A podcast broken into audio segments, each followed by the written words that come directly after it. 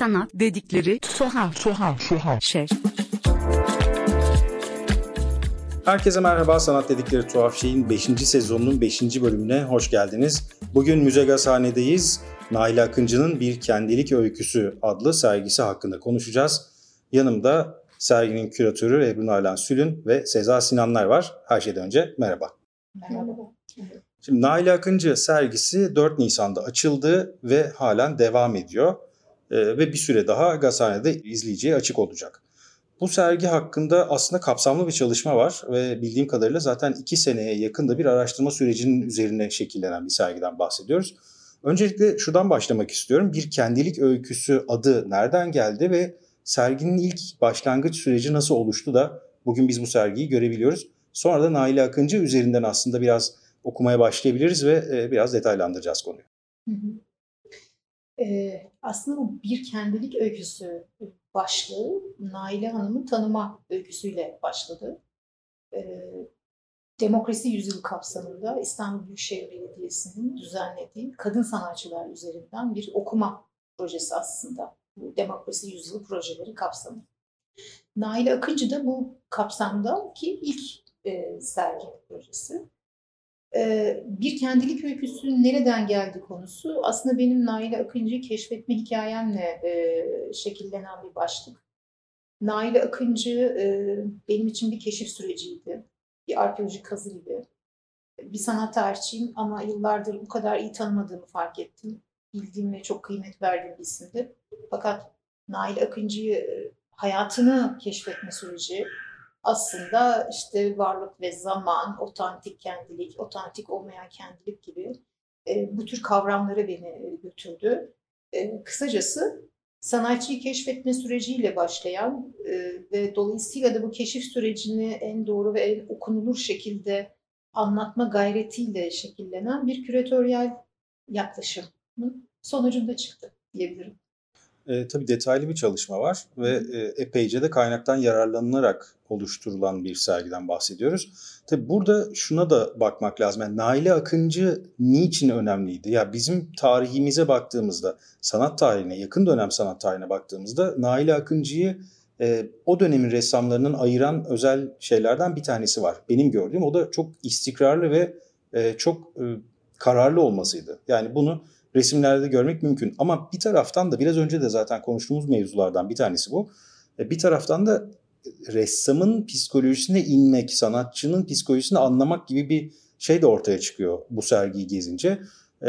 Bu nasıl bir süreç? Yani tahmin ediyorum ki hatta biliyorum ki bunu konuştuğumuzdan ressamın hayatı üzerine de sadece eserleri değil aynı zamanda kendi yaşamı üzerine de yapılan ciddi bir araştırma var.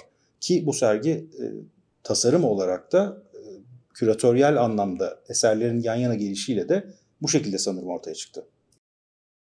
E, hep söylediğimiz şey e, aynı şeye bakmak ama farklı şeyi yapmak diyoruz buna.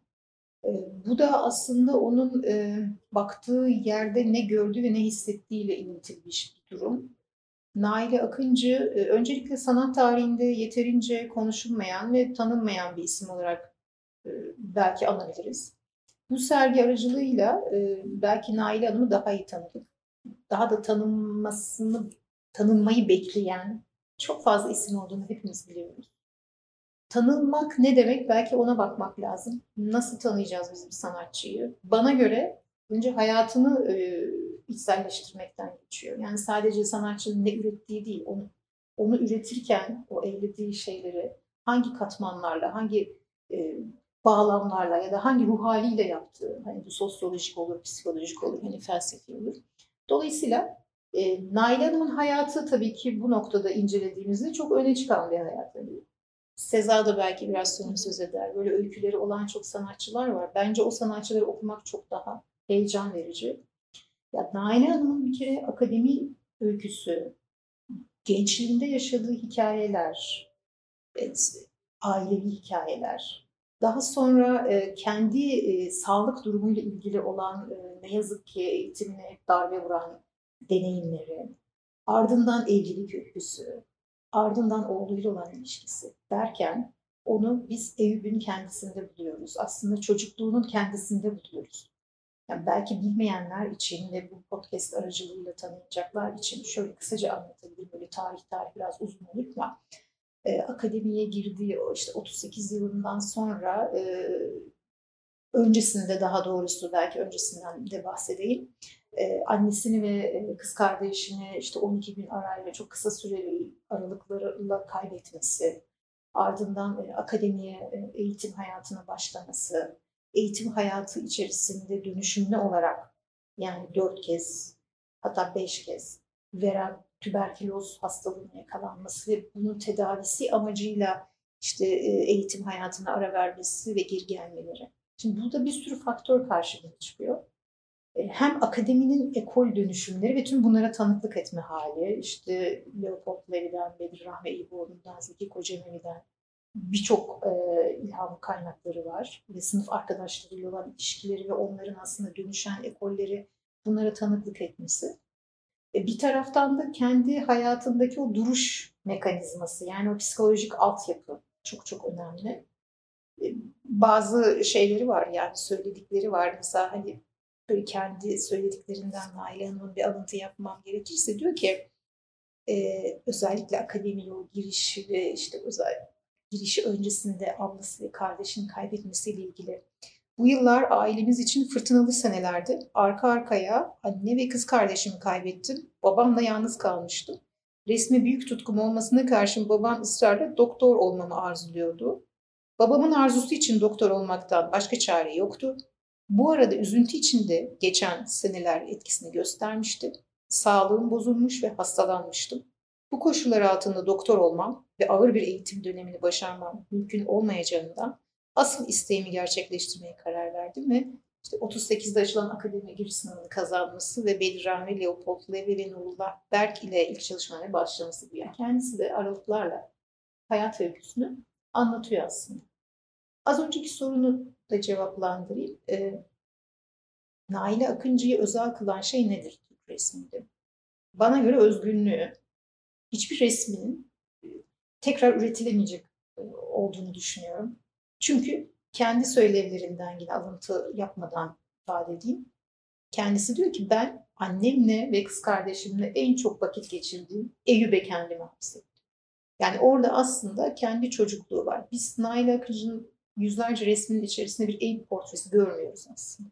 Biz bir Nail Akıncı portresi görüyoruz. O yaşadığı hastalıkları. Bu arada eşiyle hani hayat öyküsünden bahsetmişken akademide okurken evlenmesi bir yıl sonra çocuk sahibi olması ve işte 50'li yılların başında mezuniyetiyle beraber ancak bağımsız bir ressam olarak üretmeye başlaması. Ama bu arada tabii ki üretimlerini hiç bırakmaması, istikrarlı bir şekilde üretmeye devam etmesi, akademideki hocalarına aralıklarla devamlı suretle gidip çalışmalarını göstermesi, o bağı hiç kopartmaması. İşte o inat aslında oradan da geliyor. Bu çok verimli de bir inat noktasında aslında. Çünkü baktığımızda işte bu Eyüp portreleri ya da Eyüp tasvirleri bir yerden sonra e, tam da bu dediğimiz yere geliyor. Aslında bunlar Eyüp değil. Evet. Onlar Nail Akıncı'nın farklı ruh hallerini gördüğümüz e, ve belki meditatif süreçlerin e, bir sonucu. Şimdi tam bu noktada e, Seza Sinanlara dönmek istiyorum. Çünkü onun yaptığı çalışmalarla da çok bağlantılı bir yere gidiyoruz. Zaten e, bu sergi kapsamında daha önce yaptığınız bir konuşma var birlikte. Biraz onu da e, anarak, biraz oraya da dönerek belki bunu e, söylemek mümkün. E, uzun bir süre ve hala Ivistangali üzerine bir çalışma sürdürüyorsun. Ve burada önemli olan şeylerden bir tanesi de yine aynı dönemde e, Naile Akıncı'dan e, bir sene önce doğmuş bir ressam fakat 1999'da hayatını kaybediyor. E, Nail Akıncı 2014'te hayatını kaybediyor bir dönem bir, bir aralıkları da var. Ve aynı zamana farklı iki bakış açısı ama biraz önce yine konuştuğumuz şeylerden bir tanesi vardı. Onda da benzer bir e, inat, ısrar ve bir psikoloji değişme durumu var. Bu taraftan bakacak olursak e, bu iki ressamı nasıl görebiliriz? E, araştırmalar ışığında bunu soruyorum. Bir de parantez tabii burada önemli olan şeylerden bir tanesi. Bence en önemli olan şeylerden bir tanesi de şu bugün hayatta olmayan bir sanatçıyı e, tartışmak, üzerine konuşmak gerçekten hassas bir süreç. Ve bu yüzden bunu şu anda bu alanda çalışan iki akademisyen olarak ele almanız da bence sürece en objektif ve en doğru yaklaşımlardan bir tanesi olduğu için daha da değer kazanıyor gibi düşünüyorum. Teşekkürler Sinan.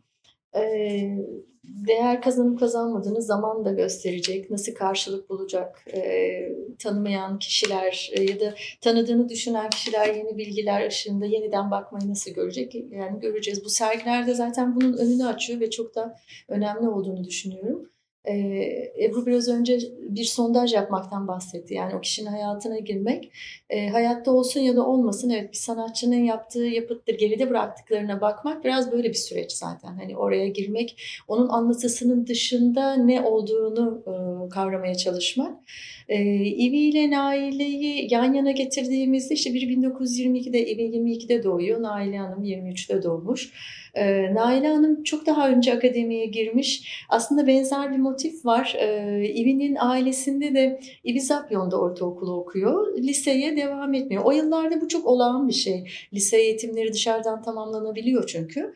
E, ve onun için biçilen hayat işte e, tabii ki gayrimüslim olmasının yanı sıra Rum vatandaşı. Yani Türk e, vatandaşlığı yok. Burada oturma iznine tabi olarak yaşıyor Stengali ailesi. Ee, onun için planlanan şey Avrupa'ya gitmesi, işte Sorbon'a hatta mümkünse gidebilmesi, hedef o. Edebiyat öğretmeni olması, ressamlık hiç tartışılan, konuşulan bir şey değil. Evde çok yaratıcı bir anne, terzi bir anne olmasına rağmen e, orada da böyle bir etki var. Orada da baba erken yaşta kaybediliyor. E, Naile Hanım da annesini ve ablasını kaybettiğini görüyoruz. Ama Naile Hanım 1938'de ki e, sanıyorum hani metninde de burada da söylüyorsun e, aşağıda şimdi sergide de baktık. E, ilk defa hani açılan bir sınavla akademiye giriyor ve çok erken yaşta 15 yaşında. İvi'ye de o tarihte böyle bir şey sorulsaydı herhalde girmek isterdi ama onun bunu başarması daha ileri bir tarihte yani 1942'de olacak 20 yaşına geldiğinde ve artık o dönem için pek çok kadının evlilik çağında hatta belki de tırnak içinde evde kaldığı düşünülen bir dönemde ve misafir öğrenci olarak. E, Türkçesi eksik olduğu için e, mülakatı veremeyeceği düşünülüyor. Onun da şansı böyle bir sınav açılması, yeteneğe bağlı bir sınav açılması.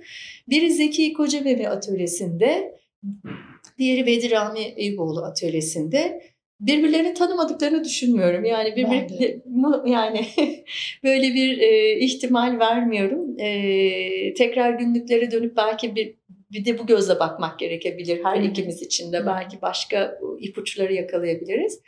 E, ortaklaşmaya döndüğümüzde de hani ikisinin de kendi döneminde ailelerinin çok istemediği bir kariyer olan ressamlığa yönelmeleri e, onları e, benzer koşulların içerisine sürüklediğini görüyorum.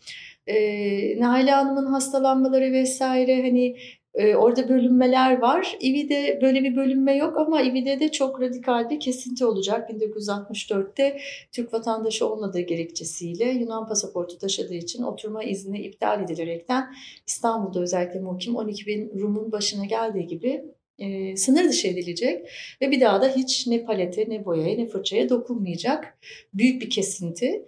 E, fakat hani bu hikayenin hani neden işte bir 1999 tabii ki ona bilemiyoruz yaşam şeylerini ama çok kahır dolu bir hayat yaşadığını biliyoruz. Özellikle son 30 yılı böyle. Naile Hanım da daha fasılalarla ve o inat orada belki hani tutunmaya her defasında tutunmaya yönelmesi. Ee, bir başka ortaklık olarak ben biraz önce konuştuğumuz o Eyüp'le özdeşleşme meselesine gelmek istiyorum. İvi'de de şöyle bir şey e, gördüğümü söyleyebilirim. E, İbi'nin de Naile Hanım'dan farklı olarak maalesef bu kadar çok sayıda tuvaline henüz erişmiş değiliz. Mutlaka bir yerlerde var. Satın alınmış olduğu resim yani e, işte bankaların zamanında Ziraat Bankası'nın vesaire aldığını biliyoruz ama hiç çıkmadı bunlar. Bir iki tek tük e, eser gördük. E, fakat eskiz defterlerinde e, çokça eskiz var ve eskizler aynı zamanda yanında da renkler çalışıldığı için tuvale geçiş sürecini de gösteriyor. Boyalar da denenmiş. Bazı yapraklar hatta hocanın notları var işte bak bakalım bu kırmızı bu yeşilin mi gibi hani Bedir Rami'nin sözleri yazılmış. Ee, ve o arada mesela benim gözüme çarpan bir köprü hikayesi var. Galata Köprüsü. Sıklıkla oraya gittiğini, o köprüde böyle saatler geçirdiğini. Hani bir bileti olduğu halde vapura binmeyi unutacak kadar yani tekrar bilet alması gerekiyor. Çok enteresan. O tarifeyle çünkü hani günün içinde farklı saatte iki bilet farklı fiyat falan. Ama orada o kadar saat geçirmiş ki yeniden bilet alıp başka şeye binecek. Orada mesela o köprüyle hemhal olması e, Naile Hanım sergisini burada hani bir kendilik öyküsü bu arada çok da güzel bir isim.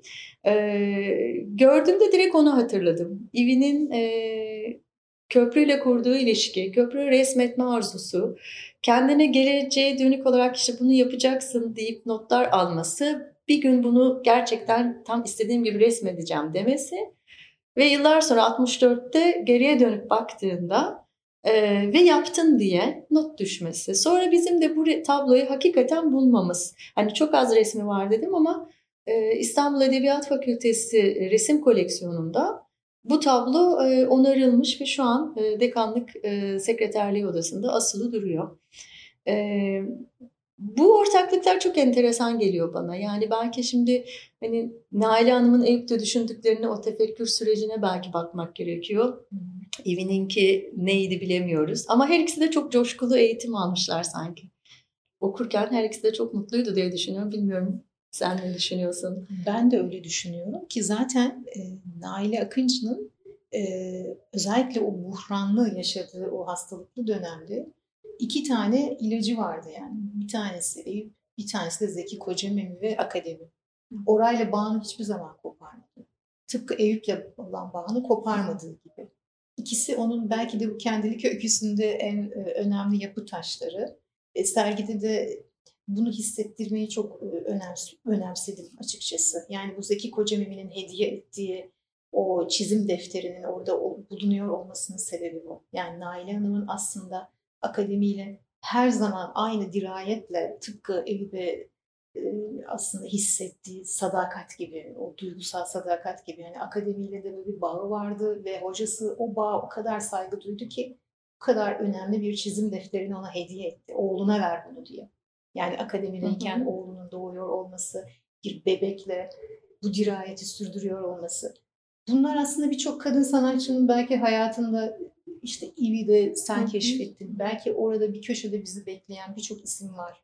Bana heyecan veriyor. Yani bunları okumak, bunları göstermek. Bu bir er, yani cinsiyet üstüne bir konuşma olmalı bence. Yani kadın, erkek fark etmez. Yani bu öyküler çok önemli. Yani hani konuşma öncesinde de kahve içerken yaptığımız sohbette olduğu gibi yani bir sanat eserine baktığımızda hmm, bu sanat eseri bunu anlatıyor demeden önce bu sanat eseri ne zaman yapıldı? Bunu yapan sanatçı hangi koşullar altındaydı? Ne hissediyordu?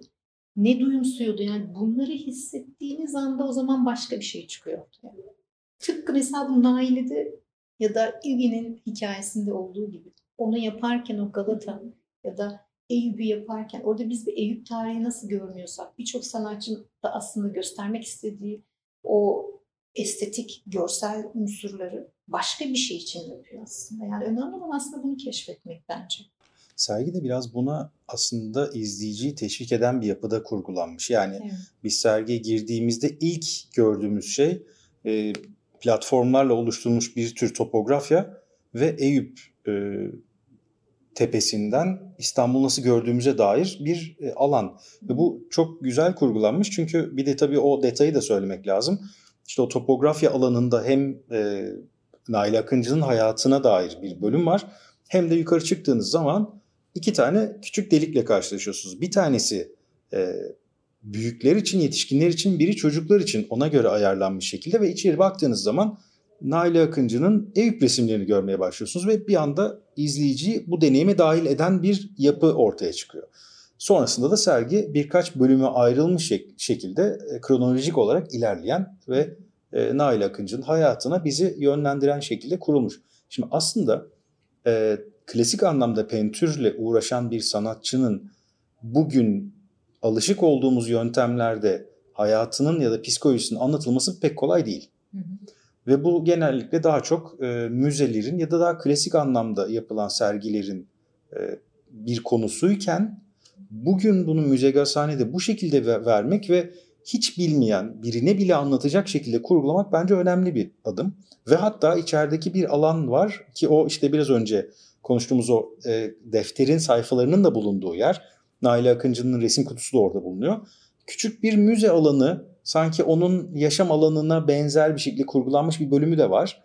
E, onun portreleri de var ve bu şekilde ilerleyen ve hayatının sonuna kadar giden bir süreç resmedilmiş. Benim burada merak ettiğim kısmı ya bununla ilgili de tabii ki e, varsa yorumunuz lütfen devam edelim ama benim merak ettiğim şeylerden bir tanesi de şu. Daha doğrusu bana ilginç gelen şeylerden biri. Bir bölümde sadece Naile Akıncı'nın portrelerinin farklı ressamlar tarafından yapıldığı bir alan da var. Ama ben şöyle okumaya başladım gezdiğimde. Evet, gerçi biraz önce söylediğimiz şey ama bu. Bütün bu Eyüp tasvirleri de Nail Akıncı'nın kendi portresi haline gelmiş. Yani aslında bir tür otoportre görüyoruz. Onun ruh değişimlerini görüyoruz vesaire vesaire. Ee, biraz önce kahve içerken konuştuğumuz şeyde e, çok güzel bir şey vardı. Çok güzel bir çıkarım vardı. E, Eyüp'ten bakmak. Onu biraz açabilir misin? Yani oradan belki ilerleriz sonrasında. Ee, yani aslında biz işte resimlere bakınca işte Eyüp manzarası, Eyüp'ü görüyoruz. Hatta şimdiye kadar ki e, hani yazılan yazılarda da çok buna odaklı olduk. E, işte konuşurken çıkıyor ya bazen hani biraz daha açtıkça, daha üzerinde durup bakmaya başladıkça ee, orada aslında gördüğümüz şeyin Eyüp olmadığını bir süre sonra. Çünkü e, mesela mevsimsel olarak takip etmiyor. İşte hiç kış yok. Hani renkler evet, değişiyor evet. falan ama daha önceki söyleşide Hayri Fehmi Yılmaz e, fark etmişti. Hiç kış yok. Halbuki Eyüp en çok kışın gidilip hmm. sevilen bir yer. E, bir de Eyüp'ün kafamızda oluşturduğu bir imaj vardır. Yani bu tabloların Eyüp olduğunu söylemesek e, çok az kişi oradaki caminin Eyüp cami olduğunu belki seçebilir. Çok karakteristik bir özelliği de yok. Dolayısıyla e, yani tablodaki resmedilen yerin neresi olduğunu hemen bize söylemeyen e, ve bizim kafamızdaki Eyüp imajı mezarlıklarla ilişkili bir Eyüp. Böyle bir rampa yahut e, Halic'in hemen önündeki o sazlıklı iki tane adacık e, mesela onları görmüyoruz. Onlar en karakteristik görüntü ya bize Eyüp'te olduğumuzu gösterecek. Naile Hanım o yüzden aslında oranın herkesin bildiği Eyüp olduğunu göstermiyordu. Eyüp'ten bakarak Eyüp'te olma halini yaşıyor. Ve o zaman senin söylediğin şeyle çok birleştiğini düşündüm ben de. Madem ki çocukluğuyla özdeşik bir şey var galiba. Hı hı. Orada sen bunu daha iyi anlatabilirsin. Ee, o bir hani düşünme hali. O döneme gidip Eyüp'te olmak, Eyüp'te olup bakmak. Ee, ve baktığı yer bir yerden sonra senin de dediğin gibi kendi dünyasına bakış aslında e, insansız vesaire evet. gibi değil mi? Bazı tespitlerin vardı senin. Yani özellikle o şeyden de o rampadan da bahsetmek istiyorum. Yani serginin farklı bölümlere ayrılmasının e, özelliği şu. Bunu hissettirmek. Yani önce o rampa aslında bir e, sanal bir Pierre Loti tepesinin hissiyatı.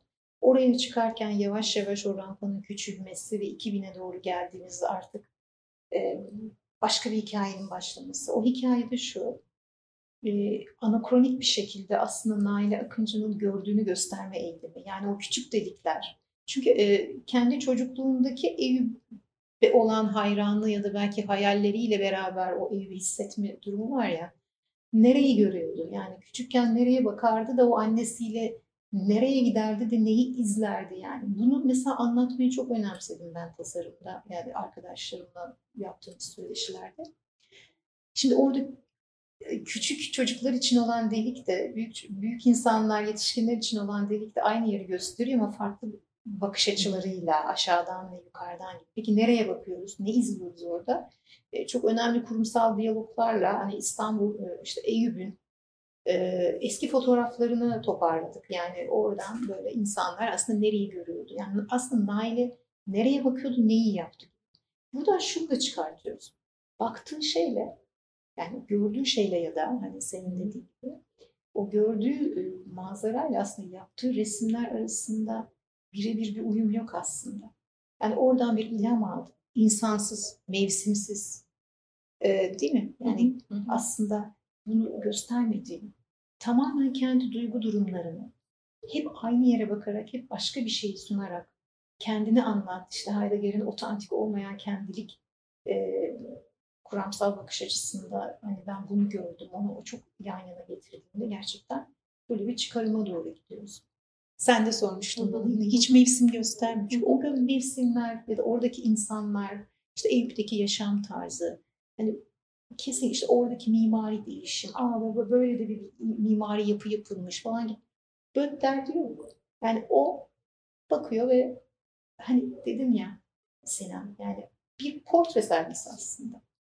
Yani Naile Hanım'ı resmedenler, Naile Hanım'ın kendi otoportreleri ve bütün Eyüp üzerinden okuma yaptığımızda e, kendi portresini çiziyor. Ruh durumlarının portresini çiziyor. Şimdi retrospektif sergilerin bence bir kısmı introspektif olmayı başarabiliyor. Bu o sergilerden bir tanesi. Yani hem bir geçmişe dönük bir bakış var hem de gerçekten sanatçının psikolojisine, zihnine, bakış açılarına olan bir bakış var. Bu ikisini bir arada vermek de çok kolay değil. Bu da işte ancak böyle bir e, çalışmanın, kapsamlı çalışmanın sonucunda ortaya çıkan şeylerden bir tanesi. E, burada biraz da serginin içinde gördüğümüz ama aslında çok da bilmediğimiz biraz bize de yeni olan hikayelere gitmek de istiyorum. E, iki tanesi işte biraz önce bahsettiğimiz bir tanesi Zeki Kocamevi'nin hikaye hediye ettiği o defter. Bir diğeri de bir başka hikayenin kapısını açan Avni Arbaş'ın çizdiği portre. Biraz bunlardan da bahsedebilir miyiz? Tabii.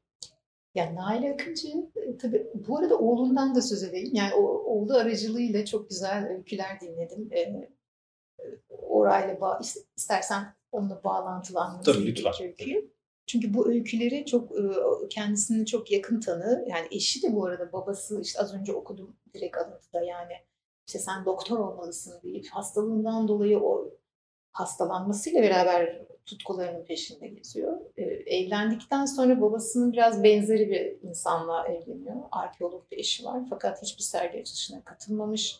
Ondan tam anlamıyla bir hani kadın görevini bekleyen öyle alıntıları var, Naile'nin sözleri var. İşte evimde dolmamı pişirip işte Eyüp'e giderdim gibi. yani böyle bir haller de var. İşte bu haller içerisinde e, oğlu 16 yaşındayken annesinin gerçekten koruyucusu haline geliyor. Ve benim için çok önemliydi. Yani bu kadar hani bir kazı yapar gibi bir sanatçının hayat öyküsünü incelerken e, annesiyle ilgili 16 yaşından itibaren yayınlanmış bütün kaynakları muazzam bir arşivle bir araya getiren bir isim oldu. Onun anlatımlarıyla bunu daha da iyi hissedebiliyorsunuz. Yani çünkü tanık 16 yaş kendisi zaten şu anda 70'li yaşlarda sanat hukuku çalışan bir insan. Hukukçu ve aynı zamanda telif. Yani sonuç itibariyle hayatın içerisine annesinden ilham alarak seçtiği meslekle de bunu çok içselleştirmiş, örtüştürmüş ve yaşam biçimi haline getirmiş birisi Cengiz Bey. Hikayeleri hikayeleri devam ettiriyor işte. Evet yani beni de mesela en çok heyecanlandıran şey hani biz sanat tarihçileri olarak böyle değil mi öyküleri severiz. Yani e, tanık olan insanlardan dinlediğimiz öyküleri. İşte e, Zeki Kocamemi ile olan öyküsünde direkt Nail Hanım'ın anlattığı, röportajlarında anlattığı detaylar da var. İşte özellikle hastalıklı döneminde e, özellikle Cengiz Akıncı akademide öğrenciyken mezun olmadan önce işte bebekle gittiği dönemler var. E, hocalarının oradaki atölye hocası olan Zeki Kocamemi'nin bunu izlemesi, işte öncesindeki dirayeti hiçbir zaman üretmeyi bırakmaması, tüm hastalık dönemlerinde devamlı üretmesi hiçbir zaman bırakmamış gerçekten. En sonunda bu işte özellikle Almanya'da ürettiği çizim defterini, desen defterini hediye ediyor. Ve bu bayağı e, aslında hani Zeki Kocamevi'nin de sanatsal uslubunu bize anlatan bir e, çizim, desen defteri. Yani bu da bence sanat tarihçinde çok önemli bir arşiv. E, özellikle dört sayfayı, içinden seçtiğim dört sayfayı izleyenlere gösterdik. O da aslında Naile Hanım'ın hangi ekolden geldiğini ve aslında köklerde nasıl bir e, atölye e, geleneğiyle işte sanatını inşa ettiğini referanslısını diye koyduk. Hem de bu hikayenin tatlılığı yani bunu biraz izleyenleri hissettirmek. Ee, Avni Arbaş'la ilgili de yine olduğundan dinlediğimiz bir öykü var. Aynı Arbaş'ın Nail Hanım'ın yaptığı bir e, portresi var. Bu portre onu Cengiz Bey daha tatlı anlatır ama yani e, hiçbir zaman yani çok uzun sürmüş Avni Bey'in e, Naile Hanım'ı e, modelleme hikayesi. Naile Hanım artık şey demiş yani ne bitmez portre demiş bu ya. Devamlı ben senin karşında oturuyorum ve bu portrem hiçbir şekilde bitmiyor. Avni Bey de diyor ki bitmeyecek. yani ona böyle gizli bir aşk e, hissettiğini de yani oğlundan aldığım bilgiyle e, öğreniyoruz. Bunun tabii uzun hikayeleri de var. Hatta tarihi sonra atıyor falan. Yani böyle bir daha sonra e, tabloyu görüp işte daha sonra e, imzasını bu tabloya attığını biliyoruz Avni Erbaş'ın. E, güçlü, zarif ama çok güçlü, çok inatçı, çok dirayetli bir yapısının olduğunu biliyoruz. Nail'in. Zaten sergide aynı zamanda bir de yani bu dışarıdan tırnak içinde dışarıdan sergiye dahil olan eserlerin yanı sıra TRT'deki belgesel de yer alıyor. Orada da detaylı açıklamalar var. Ve orada Naile Akıncı'nın kendisinin de verdiği röportajları görebiliyoruz, izleyebiliyoruz. E, ilginç olan taraflardan biri şuydu. Özellikle onun portreleri hem de kendi portreleri, otoportreleri üzerinden e, gördüğüm şeyi burada belki anlatabilirim. O röportajda, o belgeseldeki Naile Akıncı'nın ifadesiyle, bakışındaki ifadesiyle portrelerindeki ifade arasında bence hiçbir farklılık yok. Hep aynı kararlılıkla, hep aynı şekilde, hep o yüzündeki, gözündeki o canlılığı koruyarak bunu yapıyor ve e, o belgesel sırasında aslında hastalığı devam ediyor. Ve buna rağmen o dirayeti koruyabiliyor olması bence bir sanatçı için önemli şeylerden bir tanesi. İşte biraz önce Ivi'den bahsettik mesela. Ivi'nin Yunanistan'a gittikten sonra gerçekten e, belki umudunu yitirmeye başladığı ya da daha zor geçirdiği bir dönem var.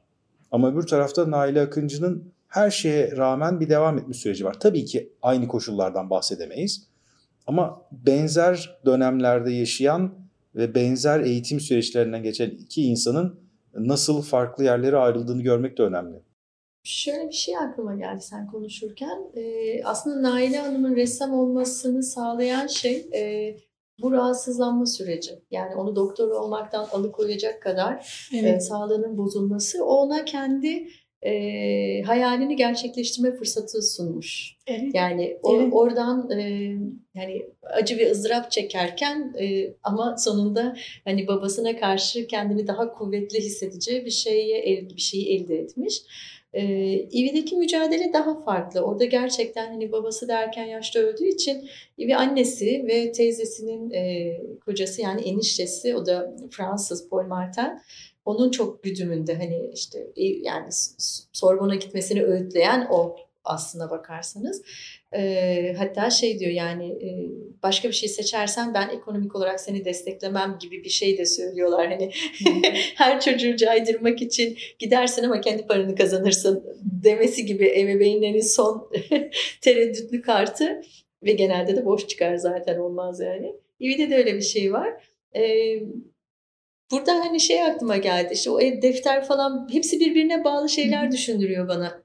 Mesela Bedir de defteri çok önemsiyor ve defter hani okul sınıfında olmanın birinci koşulu. O deftere e, düşünceler yazılacak, e, kokular anlatılacak, tasvir edilecek, e, türkülerden alıntılar, şiirlerden beyitler, aklınıza ne geliyorsa bir yandan e, eskizler ve eskizler tabii ki bir kendini biriktirme zemini oluşturuyor bu defterler. E, Naile Hanım'da da böyle bir şey var. Demek ki hani Zeki Koca Mehmet'e işte öğrencilerine öğütlediği şeyde çizilmiş, yapılmış bir defter oluşturmak ya da o defteri çizilmek üzere teslim etmek. E, orada bir kendini biriktirme süreci, kendini gerçekleştirme süreci. Bunları e, görüyorum o benzerlikleri olarak. E, bir şey daha söyleyecektim. Şu an aklımdan gitti. Acaba ne diyecektim? Şeyi e, orada parantez hemen ekleyeyim ben. Zaten işte Zeki Koca Mehmet, ha, bu arada onu da vurgu yaparak belki ba- bağlantı yakalayabiliriz. Hani dedim ya böyle 14 yıl süren bir akademi eğitimini e, tekrar etmiş olalım Bedir Rahmi'den ilham aldım. evet. Şimdi bir şeyler daha eklemek istedim. Ya düşünsenize yani akademi de böyle çok yerinde durmayan bir eğitim kurumu. İşte hocalar geliyor, gidiyor. E, öğrenciler geliyor, gidiyor. Atölyelerde böyle dört yıl geliyorlar, gidiyorlar. Başkaları geliyor, gidiyor falan. Şimdi bizim Nail e, oraya aralıklarla geliyor. İşte orada hocalar değişiyor, akademi yöneticileri değişiyor, öğrenciler. Mesela Bedrahme Eyüboğlu'ndan eğitim almış. E, tabii ki. Zeki Koca Memi'den de eğitim almış. Nurullah Berk'ten eğitim alıyor. Ve işte Leopold Levi'den. Levi çok severmiş e, Nail'i. Yani dolayısıyla zaten bağı var ve ben aslında hani senin araştırmalarınla iyi, iyi hani hep böyle o Bedirahmi'nin yanında görürdüm ama daha da bir böyle aynı sanat tarihi şeyimiz olduğu için yaklaşımımız öyle düşünüyorum ben Evet. bakış açımızı. Ee, daha heyecanlanıyorum. Ve mesela ben iyi gördüğümü hatırlıyorum. Yani e, Naile ile e, ikisinin yan yanalığının kesinlikle var olduğunu e, hissediyorum. Yani net hani belgeler Evet, olmasa da araştırdığımızda kesin çıkar. Dolayısıyla bu bakış açısı tesadüf değil yani. Evet. Hani zaten birlikteler. Orada bir aradalık var. O gidiyor hastaneye e, tedavi sürecine. Oraya yine geliyor yani. Hani orada bir birliktelik var. Dolayısıyla o dönüşümü de hani böyle aslında hissediyoruz. Burada şunu da söyleyeyim. Bu kadar çok şey değişmesine, hani bu kadar akademi hocaları, gelen e, belki sınıf arkadaşları değişmesine rağmen Naile'nin kendi çizgisini kendi içinde değiştiriyor ama hiç bozmaması da bana hep şey gelir yani. İnanılmaz böyle etkileyici gelir. Biraz zaten serginin işte o bir kendilik öyküsünü oluşturan şeylerden bir tanesi belki. Bir ufak parantez hemen araya gireceğim. O da şu, bir de tabii Naile Akıncı'nın orada tiraje dikmenle olan bir bağlantısı da var. Bu da çok önemli. Burada da bir o dönemde işte o adı konmamış sanatçılar mantığında bir dayanışma da görüyoruz. Evet. Bu da aynı derecede önemli. Mesela onun isimleri de isterseniz hemen hı. sayabilirim. Kendisi söylüyor diyor ki 38-39 eğitim döneminde ilk kez açılan giriş sınavını kazanarak akademinin resim bölümü orta kısmına kaydoldum. Fındıklı'da sonradan yanan binada sanat yaşamını birlikte başladığım arkadaşlarım arasında işte tiraja zaten Nasip İyem bunlarla çok yakınız. Yani isim sayma adına söylemek istedim şu anda. İşte Haşmet Akal, Hüseyin Bilişik, Fethi Kayal. Mesela Fethi Kayal'le çok yakın dost olduklarını biliyorum. Neşet Günal, Nihat Akyunak, Nasip İyem. Leopold Levi atölyesinde de Nuri İyem, Turgut Atalay, Avni Arbaş, Selim Turan'la çok yakınlar. Ayrıca Nurullah Berk, Şefik Bursalı, Bedirahmi Eyüboğlu'nun da öğrencisi olduğunu diyor. Hatta işte Levi'nin özel isteğiyle Levi'nin atölyesine devam ederken tüberküloz olduğundan falan da söz ediyor. Bunu da eklemiş olayım. Demin söyleyeceğim şeyi de hatırladım bu arada. Ee, İlvi'nin defterlerinde de şöyle bir şey dikkatimi çekmişti. Birbirlerine model de oluyorlar. Yani birbirlerini resmediyorlar. Sınıf ortamı öyle bir ortam ki yani hayal ettiğimizde e, işte oraya her gün geliniyor. Her gün hayat orada yeniden başlanıyor. E, herkes defterini açıyor bir kere. Hani e, ve işte düşündüğü, ilham aldığı, tartıştığı konu neyse. Hoca belki işte bir pick-up getiriyor, bir plak dinliyorlar, gidilecek tiyatrodan konuşuluyorlar, izlenmiş bir film varsa onu konuşuyorlar. Bedir Ahmet'in şöyle bir farkı var. Sonra sınıfı topluyor, alıyor Karabaş'a getiriyor. Karabaş mıntıkasına tophanede ve kahvehaneye onları yerleştiriyor ve orada bırakıyor. Saatlerce orada İvi mesela hani o Eyüp'teki tefekkür hali süreci daha ileri yaşta tabii ki o eğitiminin bir parçası değildi. Naile Hanım'ın kendi seçtiği bir şey. Ama bir yandan yan sınıfta böyle bir eğitim vardı. Yani dışarıya çıkıp dışarıda ressam olarak gezinmek, notlar almak. Ben bir de şeyi düşündüm. Acaba e, onu da konuşabilir miyiz diye. Şimdi ressam olarak kadınların sanatçı kadınların ya da kadınların bulunduğu her alandaki görünürlüklerin üzerinde hep bir perdeleme olduğunu biliyoruz. Ee, anlatıda eksik bırakılıyor, kanonda unutuluyor, kestirmeden gidiliyor. Hatta az önce mesela okuduğun şeyde bile kendisi bile Naile Hanım arkadaşlarını sayarken halbuki var başka kadın sanatçılar var. Onları değil de erkek olanları bir şekilde sıralamış olması. Ee, ya o kadınlar evlendikten sonra biraz daha geriye düşünüyor, düşüyorlar ve profesyonel olarak artık o kadar sergilerde görünmüyorlar. Ya da kadınlar kendileri de aynı körleşmeyi yaşıyor olabilirler tabii. Hani bunu e, bilemeyeceğiz. Ee, ben hani şey olarak da şöyle bir imaj düşünüyorum. Şimdi e, Osmanlı'da falan baktığımızda 19. yüzyılda kent ilham kaynağı. Tabii herkes buraya gelip resim yapıyordu. Ama izne tabiydi bu. Yani sokakta şövalyenle çıkıp hemen yani ne bir camiye gir, yani bir camiye girerken de işte dışarıda dolaşırken de izin almak gerekiyor bu. Bayağı polisiye bir hikaye. Leonardo da Mango izin almadığı için bir sürü soruşturma yemiş mesela falan. Şimdi Naile Hanım aradan epey bir zaman geçiyor. Cumhuriyet Türkiye'si falan şövalyesiyle işte bir kadın figür olarak Eyüp'te ve hani Pierre Loti ile özdeşik bir yer.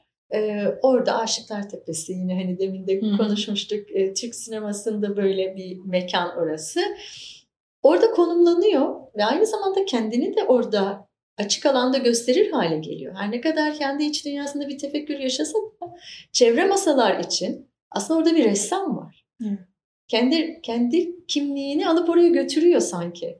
Bilmiyorum hani bu bana çok enteresan geliyor. Ben aslında yaşasa yani yakalayamadım. Ee, çocuklarıyla iletişim kuracaktım ama tam onlardan da bilgi edinemedim. Pierre Loti kahvesi onun ana mekanı. Hı hı. Ama mesela çocuklarından Cengiz Bey aracılığıyla kendisi gitti, bilgi bilgi edindi ve bana il- iletti.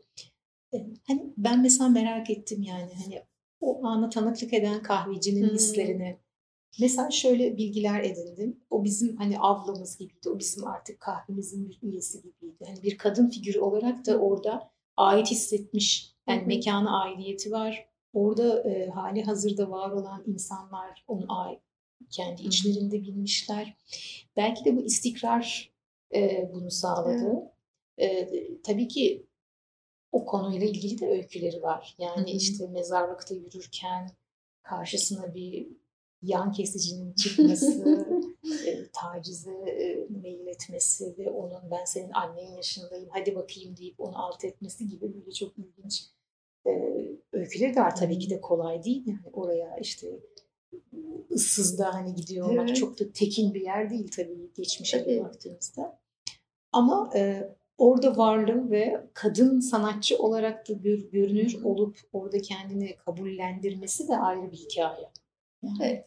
Değil mi? Yani görünmediği kadar, hiçbir yerde görünmediği kadar orada görünüyor olması ve ressam olarak Evet. evet. tuvaliyle, şövalesiyle.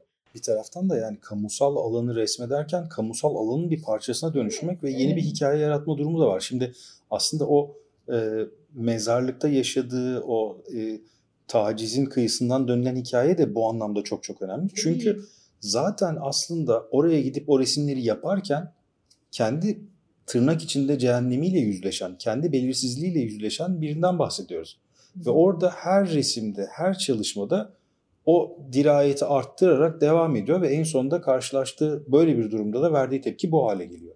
Bütün bunlar da bizim şu anda üzerinde konuştuğumuz birer hikaye dönüştü. Yani Naile Akıncı bugün bu kaydın olacağını tahmin etmiyordu muhtemelen, bilemezdi. Hı hı. Ama bugün anlatının bir parçası haline dönüşüyor. Onun üzerine yapılan bir araştırmanın sonucunda çıkan sergi. Ve böylece kültür devam ediyor gibi bir noktaya geliyoruz Buna sanırım. belki şunu da eklemek mümkün. Biz e, yani tarihin içerisinde hepimizin hayatları var. Onların da bir hayatları vardı ama yaşarken hani yaşadığımız şeyin hangisinin ne şekilde kalacağını çok hesap ederek olmuyor. Hani nasıl hatırlanıyoruzu ölçemiyoruz. Baştan da kurgulayamıyoruz. O biraz tarihe ve diğer kişilere kalıyor. Hani Naile Hanım da belki işte o Eyüp'le kendi kurduğu özdeşleşiklikte şimdi bu sergiyle beraber e, o kendilik meselesi Pierre tefekkür hikayesi. Orada bir düşünce oluşturması, düşünce mayalanan bir yer orası. Ve orası artık sadece Pierre Loti'nin tek elinde değil. yani belki ben şimdi hani şu an aklıma geliyor. Belki oraya işte böyle nasıl e, Kalpazankaya'da Sait Faik Abasıyan'ın bir masası vardır ve orada işte hep e, durur. e, rakı bardağı vesairesi heykel olarak da oraya koymuşlar. Gerçi sonra kalktı galiba Kalpazankaya'nın yönetimi değişti bir şey. Orada bir Naile Akıncı bir şeysi mi gerekiyor bilmiyorum yani. Bilmem belediye böyle bir şey ne der? Ebru Ya aslında bir- ben Değil mi? şey düşünmüştüm hani oraya böyle bir mekan yapalım ve konuşma çünkü hani yine kahve sohbetinde ifade ettiğimiz Evet. üzere ben şey önemsiyorum yani yaptığım sergi projelerinin teorik kısmı yani o konuyu tartışmak, çok boyutlu ele almak bunu artık tarihe mal etme mevzusu. Bu serginin paralel etkinliklerini aslında Naile Akıncı'nın tam da o yer aldığı Pierre Loti kahvesinde yapmak ve oradan bakarak. O biraz zor oldu. Yani oradaki işte mekanla ilgili bir durumdu. Fakat olabilir. İşte şimdi şu anda Fesane'deki kütüphane Nail Akıncı Kütüphanesi oldu. Bu bir başlangıç olabilir. Ee, Eyüp'le olan bağından kaynaklı. Ee, hatta ki- kitapları da var. Hani kütüphaneye de bağışlanmış. Ee, ama sanki Pierre Loti tepesinde bir Nail'i köşesi olması gerekiyor Değil mi? gibi değil mi? Belki bundan sonra Evet, evet. böyle buraya doğru giden bir fikir olur. Bu da mutluluk verici tabii. Kesinlikle öyle. Bir, şimdi izleyenler için, dinleyenler için de böyle küçük bir bilgi de vereyim. Bundan bir önceki bölümde sanat dedikleri tuhaf şeyde biz Fesane'deki e, ortadan başlamak sergisini konuşmuştuk ve onu da işte o kütüphanenin içinde kaydetmiştik. O da buradan böyle güzel bir bağlantı Güzel. olarak çıktı. Ee, orada da kütüphaneye Naili Akıncı'nın adının verilmesi de ayrıca sevindirici bir gelişme. Ee, bir de son olarak şunu sormak istiyorum ikinize de. Bu çok e, belki kritik bir soru. E, ikinizin bakış açısından da bunu duymak çok önemli olacaktır. O da Naili Akıncı gibi bir sanatçıyı niçin biz 2023'te böyle bir sergiyle e, bu kapsamda görüyoruz da daha önce başka kurumlarda ya da başka yerlerde görmedik. E, ve hani böyle başlamak mı doğruydu ya da yeteri kadar anlamadığımız değerlerden bir tanesi mi Nail Akıncı? Önce sen. son- Ben vakit kazanayım biraz Son düşüneyim. söylediğin cümle çok güzeldi.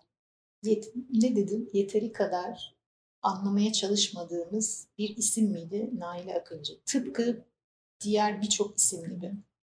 Bu anlamda bize çok görev düştüğünü düşünüyorum. Yani Türkiye'de yaşayan sanat tarihçiler olarak eee tekrara düşmeyip bu şekilde bir kenarda bekleyen isimleri el almamız gerektiğini düşünüyorum. En azından ben kendi adıma şöyle bir cümle kurmak isterim.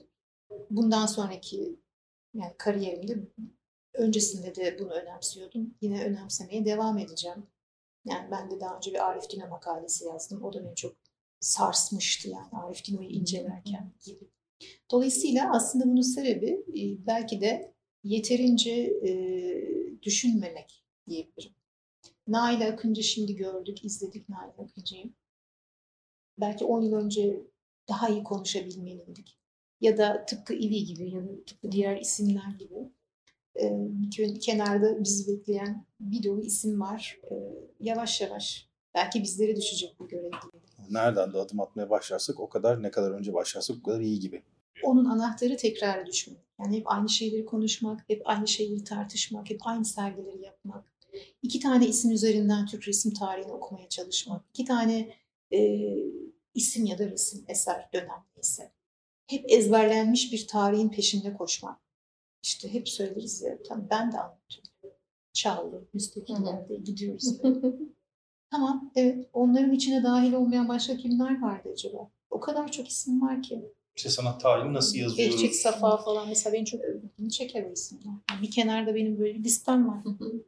Sırada bekliyor yani gibi. Hı hı. Böyle bakmak gerekiyor belki de. Ee, sana katılıyorum. Bu biraz bizim sanat tarihine nasıl baktığımızla çok alakalı. Yani çok nesne odaklı bakıyoruz Hı ve biz e, Türkiye'nin modernleşme serüveninde de yani Osmanlı'dan beri getirdiğimiz e, bir, bir türlü tam olduramadığımızı sürekli söylediğimiz, beğenmediğimiz hatta geri dönüp yaptık ama olmadı falan dediğimiz bir türlü bizi tatmin etmeyen o öyküde e, kişileri ıskaladığımızı düşünüyorum ben. Hı. Yani aslında figür olarak bu insanlara e, birer portre, birer yaşantı olarak bakmıyoruz. Bu biraz da biyografi eksikliğini de ortaya koyuyor. Çok ciddi bir biyografi eksikliği var Evet. bizde. Sanatçılarımızın hayat öykülerini bilmiyoruz. Hani ne zaman nerede doğdu, nerede yaşadı ve o kadar böyle e, nasıl söyleyeyim e, kalıplarla anlatıyoruz ki mesela hani biraz önce konuştuk mesela 1938'de Naile Hanım'ın oraya girdiğinde 15 yaşında olması çok büyük bir şey değiştirir. Tabii. Ve çıktığında da çok daha ileri bir yaşta çıkıyor olması. Yani 51'e kadar okumuş olması. Hani bunları böyle e, fark ettirmek gerekiyor. İşte 1938'de gitti 51'de çıktı falan diye yazınca biyografide e, bu, bu anlatı oluşmuyor. E, Bunun altını çizmek lazım. Bu da çok fazla biyografi çalışması demek.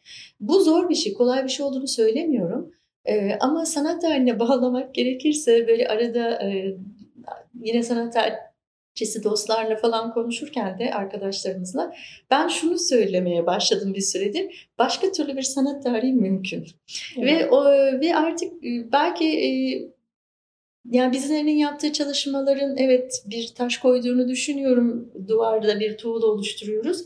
Ama bizden sonra gelecek olan, gelmekte olan kuşaklar içinde e, bunu sağlamak gerekiyor artık. Daha çok biyografilere, daha çok eş zamanlılık üzerine bakmak. Yani işte Naile Hanım Zeki Kocamemin'in sınıfındayken yandaki sınıfta İvi'nin olduğunu ve sadece İvi'de değil. Yani evet. Alice Aş var, Leyla Gamsız var, Nevin Çokay var, Sonraki sınıfta işte Fikret Otyam gelecek, Nedim Günsür, işte e, şey Fikret Alpe yine aynı dönemde. Hani bunların bir arada olduğunu, Fikret Otyam sonra arkasından yani o birlikteliği görmediğimiz zaman birini böyle çekip aldığımızda e, işte efsaneleşmiş figürler böyle bir Bedirami, bir Çallı hani evet. değil mi böyle çok e, güzel söyledin. E, bir şey çıkıyor. Evet.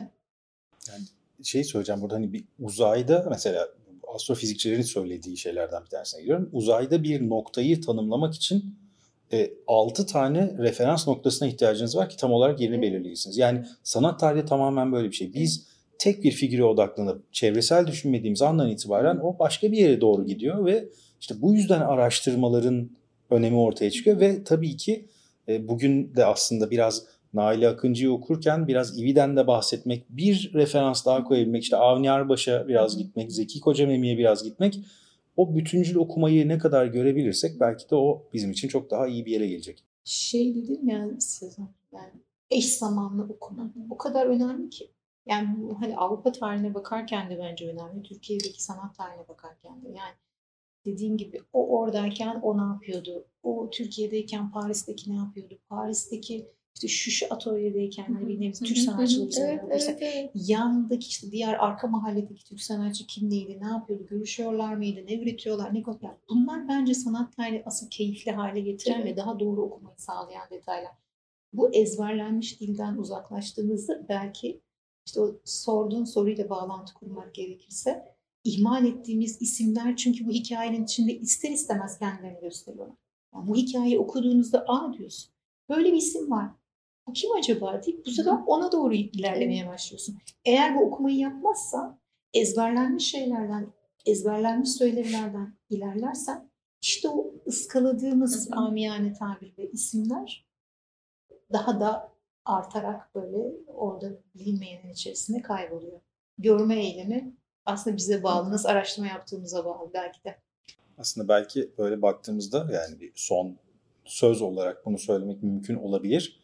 Ee, bizim de bugün sanat tarihine hem bir okuyucu olarak hem de sizin gibi o sanat tarihini çalışan insanlar olarak o kendilik öyküsüne ihtiyacımızın olduğu bir dönemi giriyoruz. Bu anlamda ben yine e, isme geleceğim. Yine bir kez daha ne kadar isabetli olduğunu söyleyeceğim.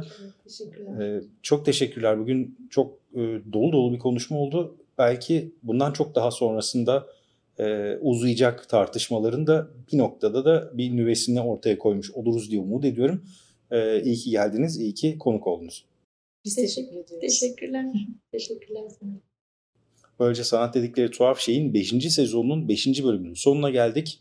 Bugün Naile Akıncı sergisini Bir Kendilik Öyküsü adı altındaki sergisini Ebru Nalan Sülün ve Seda Sinanlarla konuştuk. Bir sonraki programda buluşmak üzere. Herkese hoşçakalın.